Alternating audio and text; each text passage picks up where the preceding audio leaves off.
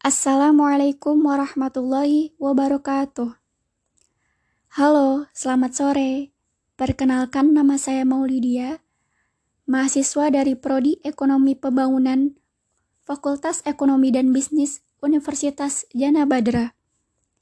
Saya akan mereview materi topik 7 tentang dasar-dasar teori perencanaan. Sebelum memasuki topik pembahasan, saya terlebih dahulu akan membahas tentang kehidupan sehari-hari. Karena di dalam kehidupan sehari-hari, banyak aktivitas manusia yang keberhasilannya sangat tergantung pada sebuah rencana yang baik. Oleh karena itu, untuk menyusun rencana yang baik diperlukan adanya pemahaman, bukan hanya terhadap hal-hal yang akan direncanakan, tetapi juga terhadap esensi dan karakteristik dari rencana itu sendiri. Di dalam praktek keseharian, pemahaman tersebut tidak sepenuhnya selalu dapat diungkapkan secara baik, yang antara lain disebabkan oleh kegiatan perencanaan yang sering kali dilakukan secara sambil lalu. Ada salah satu ungkapan yang senantiasa menjadi pegangan manusia dalam menjalankan kehidupannya, yaitu hari ini harus lebih baik daripada hari kemarin, dan hari esok harus lebih baik daripada hari ini.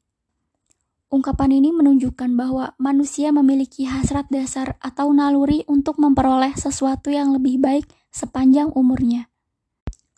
Namun demikian, tidak semua upaya manusia akan menghasilkan kebaikan. Ada kalanya manusia mendapatkan keberhasilan, namun juga tidak jarang pula mendapatkan kegagalan. Berikutnya, kita memasuki topik pembahasan yaitu tentang dasar-dasar teori perencanaan. Perencanaan itu sendiri secara umum adalah suatu proses menentukan hal-hal yang ingin dicapai di masa depan serta menentukan berbagai tahapan yang diperlukan untuk mencapai tujuan tersebut. Perencanaan juga dapat didefinisikan sebagai suatu kegiatan yang terkoordinasi untuk mencapai tujuan tertentu dalam kurun waktu tertentu pula. Dengan begitu, di dalam perencanaan akan terdapat aktivitas pengujian beberapa arah pencapaian, mengkaji ketidakpastian, mengukur kapasitas, menentukan arah pencapaian, serta menentukan langkah untuk mencapainya. Sederhananya, Perencanaan adalah proses berpikir secara logis dan pengambilan keputusan rasional sebelum melakukan suatu tindakan. Ini dapat membantu kita untuk memproyeksikan masa depan dan memutuskan cara untuk menghadapi situasi yang akan dihadapi di masa depan.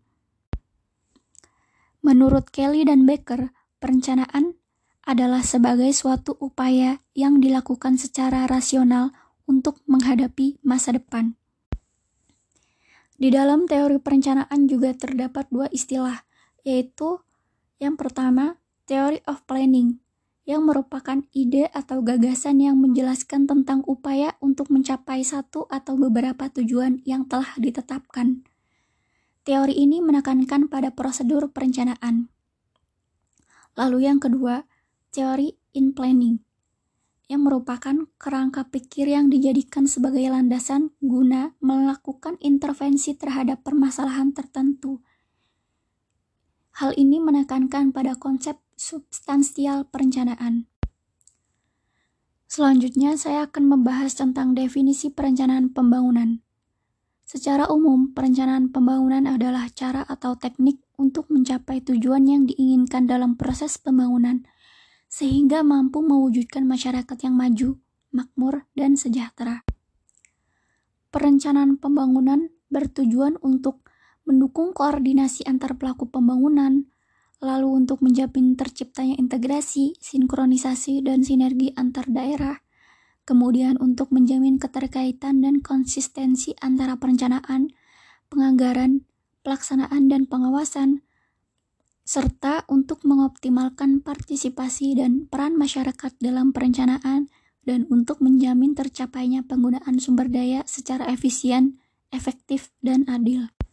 Lalu, yang terakhir yang akan saya bahas adalah ciri pembangunan yang terencana.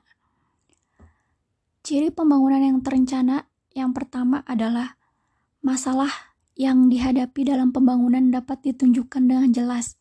Yang kedua, Tujuan dan sasaran yang dicapai dalam pembangunan dapat dinyatakan dengan jelas. Yang ketiga, tahapan untuk mencapai tujuan dapat diutarakan dengan jelas. Dan yang keempat, prosedur kerjanya jelas. Dan yang terakhir atau yang kelima, arah pembangunannya juga jelas. Mungkin sekian pembahasan materi dari saya. Kurang lebihnya mohon maaf. Wassalamualaikum warahmatullahi wabarakatuh. Sampai jumpa di pembahasan berikutnya.